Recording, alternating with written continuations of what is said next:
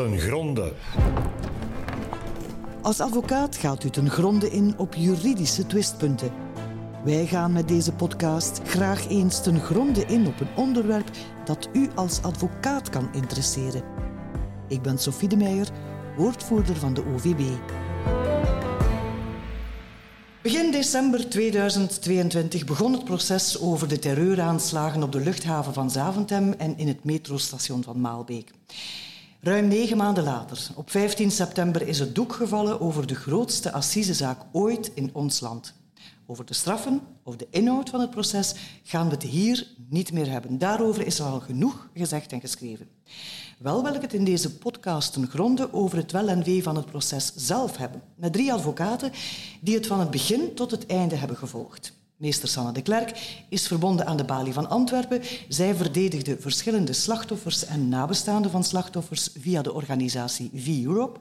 Meester Nina van Eekhout van de Gentse Balie vertegenwoordigde de weduwe van een slachtoffer op de luchthaven.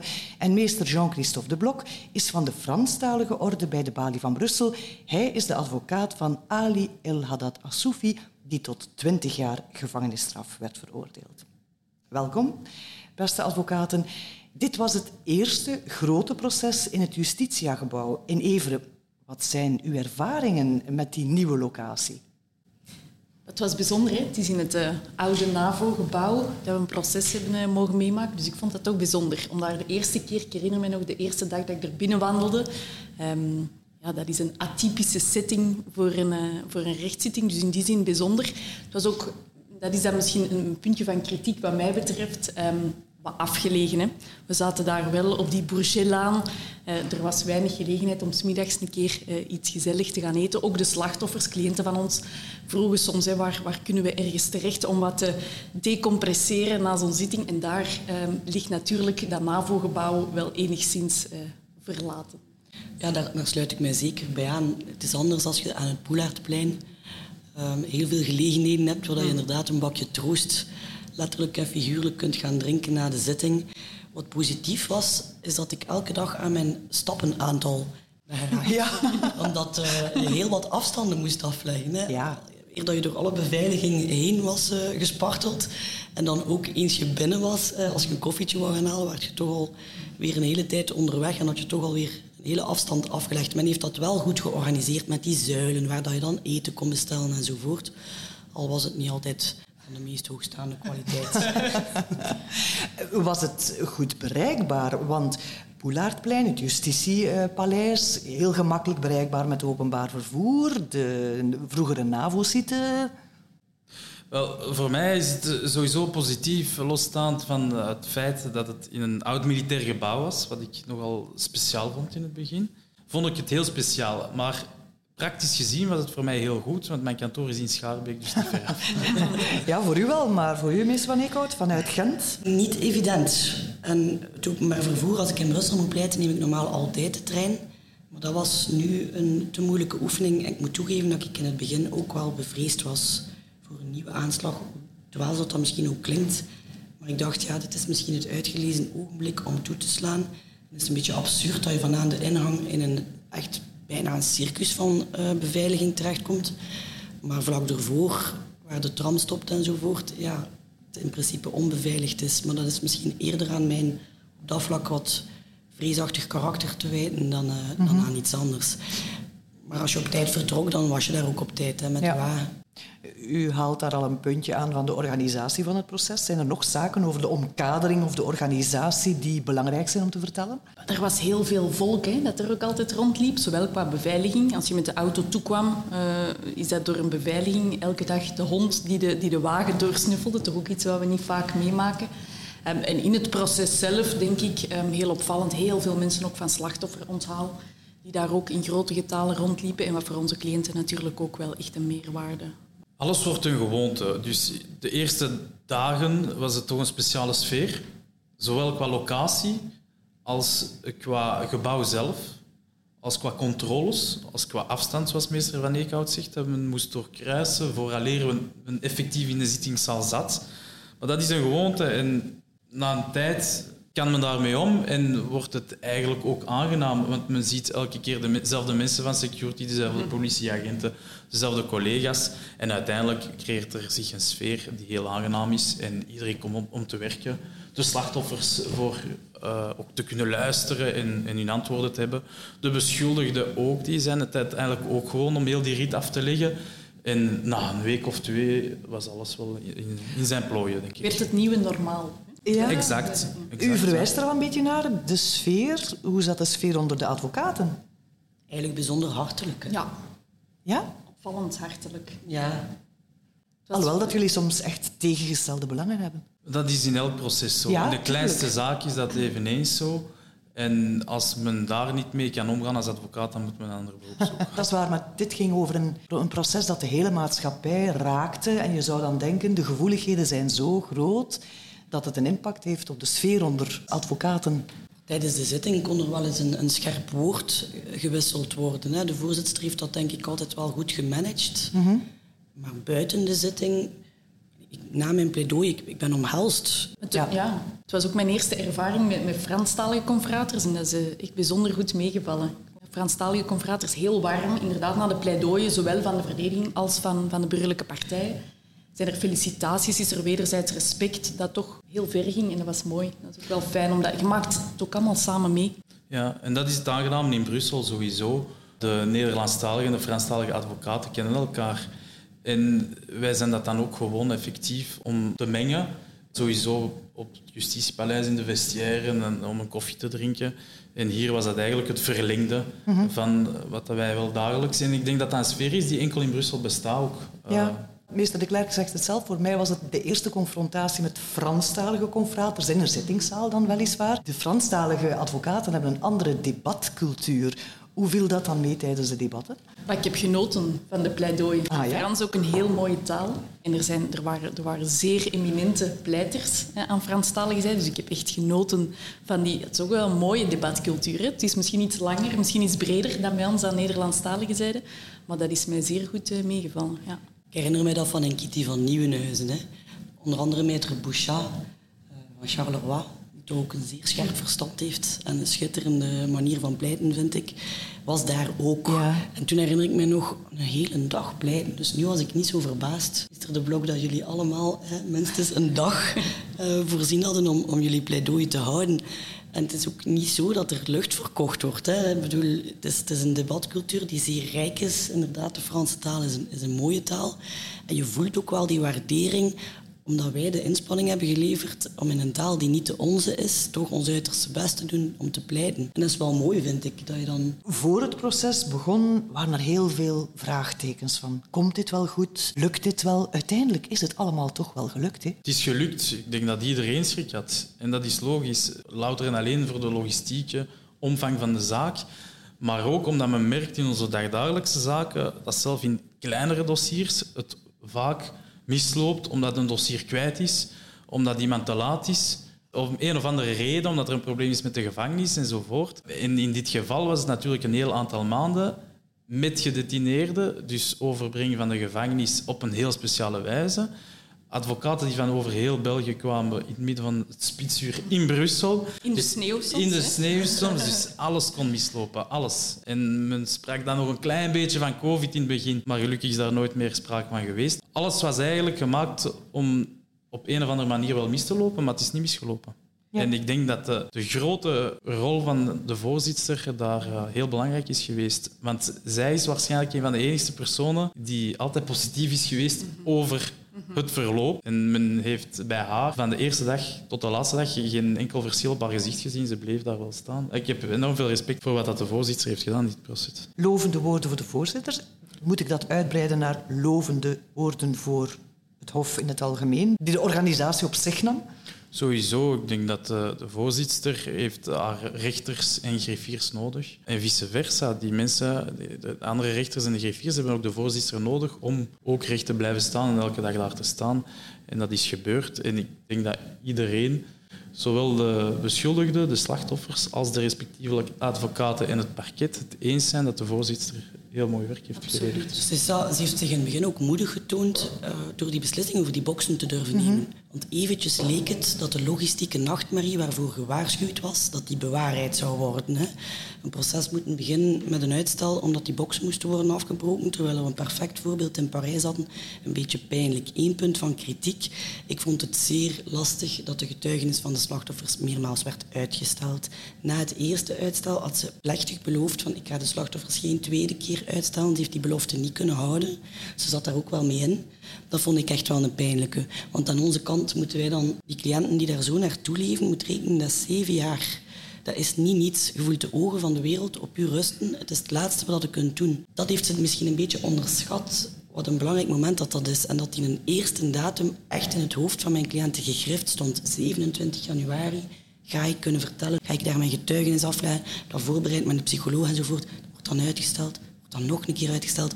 Dat is iets waarvan dat ik vond dat het had kunnen vermeden worden. Ja, maar waarschijnlijk was het ook door omstandigheden waar helaas niet kon... Ja, maar dan moet je geen beloftes doen. Ja. En elk proces kent zijn omstandigheden. En bijvoorbeeld de ondervraging van de beschuldigden is, moeten, is meerdere keren eigenlijk ook...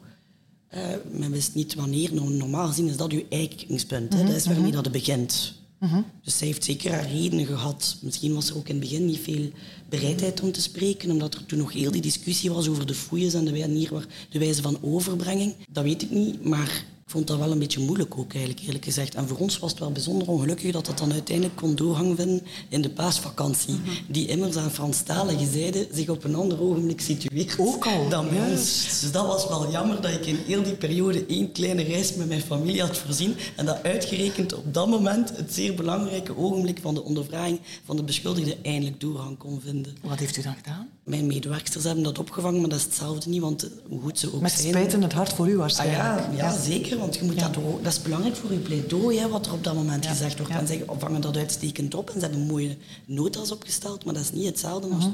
dan dat je het zelf hoort. Dan kom ik eens bij u, meester De Blok. Dat uitstel verschillende keren van het verhoor van bijvoorbeeld uw cliënt, een van beschuldigden, was dat ook voor die beschuldigden lastig om te verteren? Ja, uiteraard. Hè, wat meester Van Eekhout zegt over haar cliënten, het zijn slachtoffers. Het blijven mhm. slachtoffers. Zij hebben natuurlijk alle reden om bij enige logistieke of andere vertraging woede te voelen of gefrustreerd te zijn. Dat is normaal. Zij wachten al sinds zeven jaar op antwoorden. En zij moet zich psychologisch voorbereiden. Dus dat is al respect sowieso naar die slachtoffers toe die zich daarop moeten voorbereiden. Dus ik versta dat heel goed. Losstaand van het feit dat ik echt denk dat de voorzitter heeft gedaan wat ze kon doen. Nu, wat de beschuldigde betreft of mijn cliënt betreft, dat is natuurlijk niet vergelijkbaar met het leed van het slachtoffer. Laat ons daar duidelijk over zijn. Maar effectief, hij wacht ook al die jaren om zijn, zijn versie, zijn versie te, kunnen doen. Die niet strookt met die van het parket, ja. hè, zonder in de details te treden van de inhoud. Een maand extra voor hem is natuurlijk minder pijnlijk dan voor een slachtoffer, dat versta ik. Maar hij heeft zich daar ook op voorbereid. Wij hebben hem daarop voorbereid.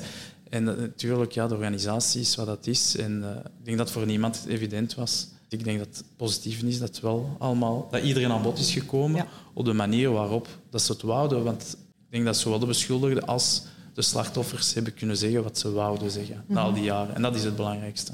Voor dit proces begon waren er ook heel veel vraagtekens bij. Is dit een proces dat je aan een volksjury kan voorleggen? Moeten beroepsrechters dit niet tot zich nemen? Achteraf beschouwd, hadden beroepsrechters dit volgens u allen anders aangepakt? Dat is moeilijk om daar een antwoord op te geven. Ik kan alleen maar zeggen dat de jury dat onwaarschijnlijk goed heeft gedaan. Ik herinner mij de eerste dag, die juryloting. Uh, die honderden mensen die naar de NAVO afzakten, met een, met een klein hart, denk ik, de meeste. Waarbij dat de voorzitter het toen ook goed heeft gedaan, hè, om mensen toch enigszins gerust te stellen van het komt wel goed, hè, de mensen die dan uh, finaal werden gekozen. Maar die hebben eigenlijk negen maanden lang zo aandachtig geweest de vragen dat zij soms stelden. Dan weet ik dat wij als advocaten naar elkaar keken en toch eh, moesten vaststellen dat die vragen van de juryleden echt getuigden van kennis van zaken. Ze waren mee en ze hebben dat eigenlijk, als je de motivering hoort, tot een zeer goed einde gebracht ook het, zeer leuke dat we de vrijdag na de uitspraak van de straf heb je aan Franstalige zijde de mogelijkheid om ook met die juryleden eens in contact te komen. Bij ons aan Nederlandstalige zijde is dat niet gebruikelijk. na een assiseproces. Maar vrijdag mochten we dan ook met de advocaten, met het hof en met de juryleden samen wat van gedachten wisselen. Het was heel fijn om die mensen te zien die eigenlijk allemaal onverdeeld positief waren over de ervaring, die echt hun verantwoordelijkheid hebben genomen en die daar op een manier in stonden, denk ik, dat niemand had kunnen, uh, kunnen voorspellen. Hoewel in andere assiseprocessen zie je mensen, juryleden, ook altijd wel groeien. Maar hier is er toch veel gevraagd. Eh, maar ze hebben dat uh, onwaarschijnlijk goed gedaan. Hebben die mensen bij een van u aangegeven van wat ze van ons vroegen was een heel karwei, maar je kan dat vragen van een ik volksjury? niet de indruk dat... Maar bon, dat zijn natuurlijk korte contacten ja. vrijdag geweest na de uitspraak. Hè, maar ik had niet de indruk dat zij um, het, het uh, onrealistisch of uh, onredelijk vonden van, van, wat er van hen gevraagd werd. Integendeel, ik heb de indruk dat zij dat ook met een bepaalde trots en fierheid hebben gedaan. Dat zij die belangrijke taak op zich hebben mogen nemen ook heel ernstig gedaan, maar ik had niet de indruk dat zij dat zelf onredelijk vonden. Zijn dat ook uw ervaringen? Zeker. Het is uiteindelijk de meest verregaande participatie van de burger in de macht. Dus dat is een heel belangrijke burgerplicht, maar ook een recht. Mm -hmm. Ik denk niet dat zij op één ogenblik in vraag hebben gesteld van wat zitten wij hier te doen en is dit wel iets voor ons. Mm -hmm. Dat denk ik niet. Het is ook onze grondwet, ze hebben dat in eer en geweten gedaan. Ik denk ook niet dat we een andere uitkomst zouden gehad hebben met beroepsrechters, eerlijk gezegd. Dus wat mij betreft... Denkt u er ook zo over, minister De Blok? Ik ben voorstander van assise, sowieso. Ik vind het heel belangrijk dat het volk ook kan zien wat dat er gebeurt bij justitie. En ik denk dat dat soms het probleem is, het onbegrip van de burgers, iedereen in de maatschappij, dat de mensen niet weten wat dat er exact gebeurt. Ze kijken enkel naar de tien minuten van het journaal. En ik vind het belangrijk dat de mensen, of alleszins hier een dertigtal mensen, hebben meegemaakt van dichtbij wat dat er gebeurd is. En ik ben er zeker van dat dit proces het leven ook van die mensen heeft veranderd. Omdat zij waarschijnlijk de eerste dag dachten van ik wil hier niet zitten, maar ze zijn toch gebleven. Men zegt dan ja, ze zijn gebleven omdat ze moesten. Maar laat ons eerlijk zijn, als die mensen niet wouden komen, dan waren die na een paar dagen gewoon niet meer gekomen. Met beroepsrechters zou het anders zijn geweest. Ik weet het niet. Ik, weet, ik ben één dag naar het proces in Parijs geweest. En daar was het ook een assiseproces, maar zonder jury. En men heeft toch als buitenstaander, want ik was toen nog een buitenstaander in dat proces, heeft men toch een andere indruk dan als men zo'n jury ziet. Waarom? Omdat men ziet dat die rechters daar zitten, luisteren, maar men ziet niet zoveel op hun gezicht en men weet dat, dat ze die dossiers al hebben ingestudeerd. En hier is dat niet het geval. Dus men ziet eigenlijk de evolutie zelf in het nemen van de notas van die juryleden dag en dag veranderen. Men voor, ziet voor hen is alles wat ze horen relatief nieuw. Hè? Nieuw. Ja. En in het begin onbekend. Ja. En men ziet eigenlijk in de vraagstelling, zoals meester de Klerk zegt, en in het nemen van de nota en zelf de fysieke attitude van bepaalde mensen, dat die volledig mee in die rol gaan. Op een bepaald Ja. ogenblik hebben ze zelf een computer gevraagd. Hè? Ja. En ook niet, eh, en gekregen, hè? wat ook niet zo, niet zo gebruikelijk is. Maar omdat ze zelf ook beseften, wij gaan binnen zoveel maanden nog terug naar notas moeten grijpen. We moeten eigenlijk een computer hebben. Het Hof heeft daar even over nagedacht en ze hebben een computer gekregen. Dus dat zijn toch van die dingen. Hè? Ze, ze, ja, ze wouden het goed doen, dat blijkt Een computer die dan in de beraadslagingskamer stond. Een laptop Ja. die ze mochten Ja, houden. één waarvan- jurylid Ja. nam nota Ah, ja, ja, ja, ja. op de computer en ik neem aan dat ze die ter beschikking Ah, hadden ja, ja, tijdens het beraad. op het hart gedrukt als ze er Ja. niets anders mee mochten Ja. doen. Nee, nee, want die, tijdens het beraad waren ze natuurlijk afgesloten Ah, ja. hè, van, van de buitenwereld. Maar die computer met notas, die, eh, die was Och. erbij. Ja. Ja. Als we dan kijken naar de toekomst en, en met uw ervaringen op dit grote proces, denkt u dat zoiets nog eens kan gevraagd worden van een volksjury? Zo'n hele lange tijd zich over één grote zaak moeten buigen? Laat ons vooral hopen dat het niet nodig zal zijn. Ja, Ja, uiteraard. Dat, dat ging ik ook antwoorden. Laat ons hopen dat het niet nodig zal zijn. Maar eh, ik denk dat het wel gevraagd kan worden. Ja. Sowieso. Eh, ik denk niet dat men dat drie keer per jaar moet doen. Maar als dat om de x aantal jaren zo zou moeten zijn, dan denk ik dat dat geen probleem is. Ik hoor u zeggen, meester De Blok, ik ben een voorstander van assisen. Kort daarna heeft de federaal procureur, eh, meneer Van Leeuw, een aantal ballonnetjes opgelaten. Hij zei van, "Goh, naar de toekomst toe zie ik meer heil in een pool van magistraten die het hele land rondreist om assisen te doen. Is dat iets waar u een bepaalde mening over heeft? Ik ben daar geen voorstander van. Waarom? Als men daar een pool specifiek van gaat opstellen, dan wordt dat na een tijd ook een gewoonte dat men alleen maar dergelijke zaken behandeld en heeft me niet meer, wel de afstand, objectieve afstand, maar niet meer die afstand van het is een assisezaak, we gaan het anders aanpakken, we gaan de zaak anders bekijken. Dan in een correctionele eh, Effectief. zaak. Ja. Het, eh, assise blijft een uitzondering en als men daar dezelfde personen gaat zetten, vind ik dat nogal gevaarlijk voor, Deelt u eh, die mening? voor de debatten. Ik sluit mij daar zeker bij aan. Maar het is het zoveelste idee van een Assise Light of een Assise 2.0 procedure te gaan creëren die eigenlijk de essentie van Assise dreigt uit te hollen. Ik weet dat er ook gespeeld wordt met het idee om een jury samen te stellen die zich dan over Dat hele ik ook reeks, vragen, ja. eh, assisezaken zou buigen. Het mooie aan een jury is juist die onbevangenheid. Het cynisme dat er hoe dan ook, en dat bedoel ik niet slecht, maar dat er hoe dan ook insluipt bij een beroepsmagistraat, wat dat ook volkomen logisch is, is iets dat bij een jury totaal ontbreekt. En die routine en, en alles wat daar dan bij hoort, mag daar ook niet insluipen. Je moet elke keer, vind ik, met een nieuwe jury, een nieuw blanco blad kunnen beginnen. Ja. Ja. Die onbevangenheid is, het, Ja. is een van de mooiste aspecten daar ook. Dat van. systeem waar meneer Van Leeuwen het dan over had, was een jury die samengesteld wordt en bijvoorbeeld twee, drie maanden, een korte tijd, alleen maar assisezaken doet. Ook dan zou die onbevangenheid weg zijn? Dat is toch een Ja. absurd idee eigenlijk?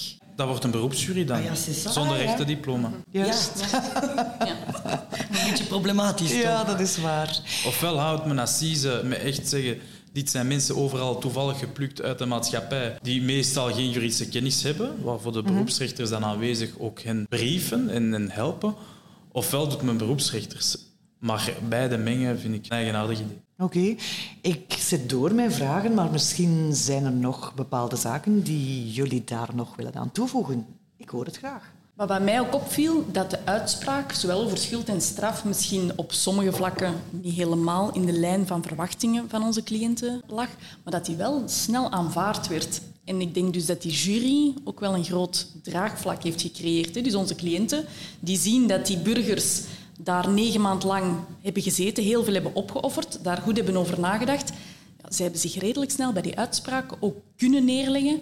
Dat had een grote legitimiteit en dat vond ik ook mooi om te, om te zien. En een voordeel van, eh, van Assise. Ik heb er niet veel aan toe te voegen. Ik zal de Franstalige confraters missen. Ik had met, met Maître Pachi bijvoorbeeld, eh, de, de raadsman van Abdeslam, ook een zeer hartelijk contact. En dan met Jean-Philippe Mayence aan onze zijde.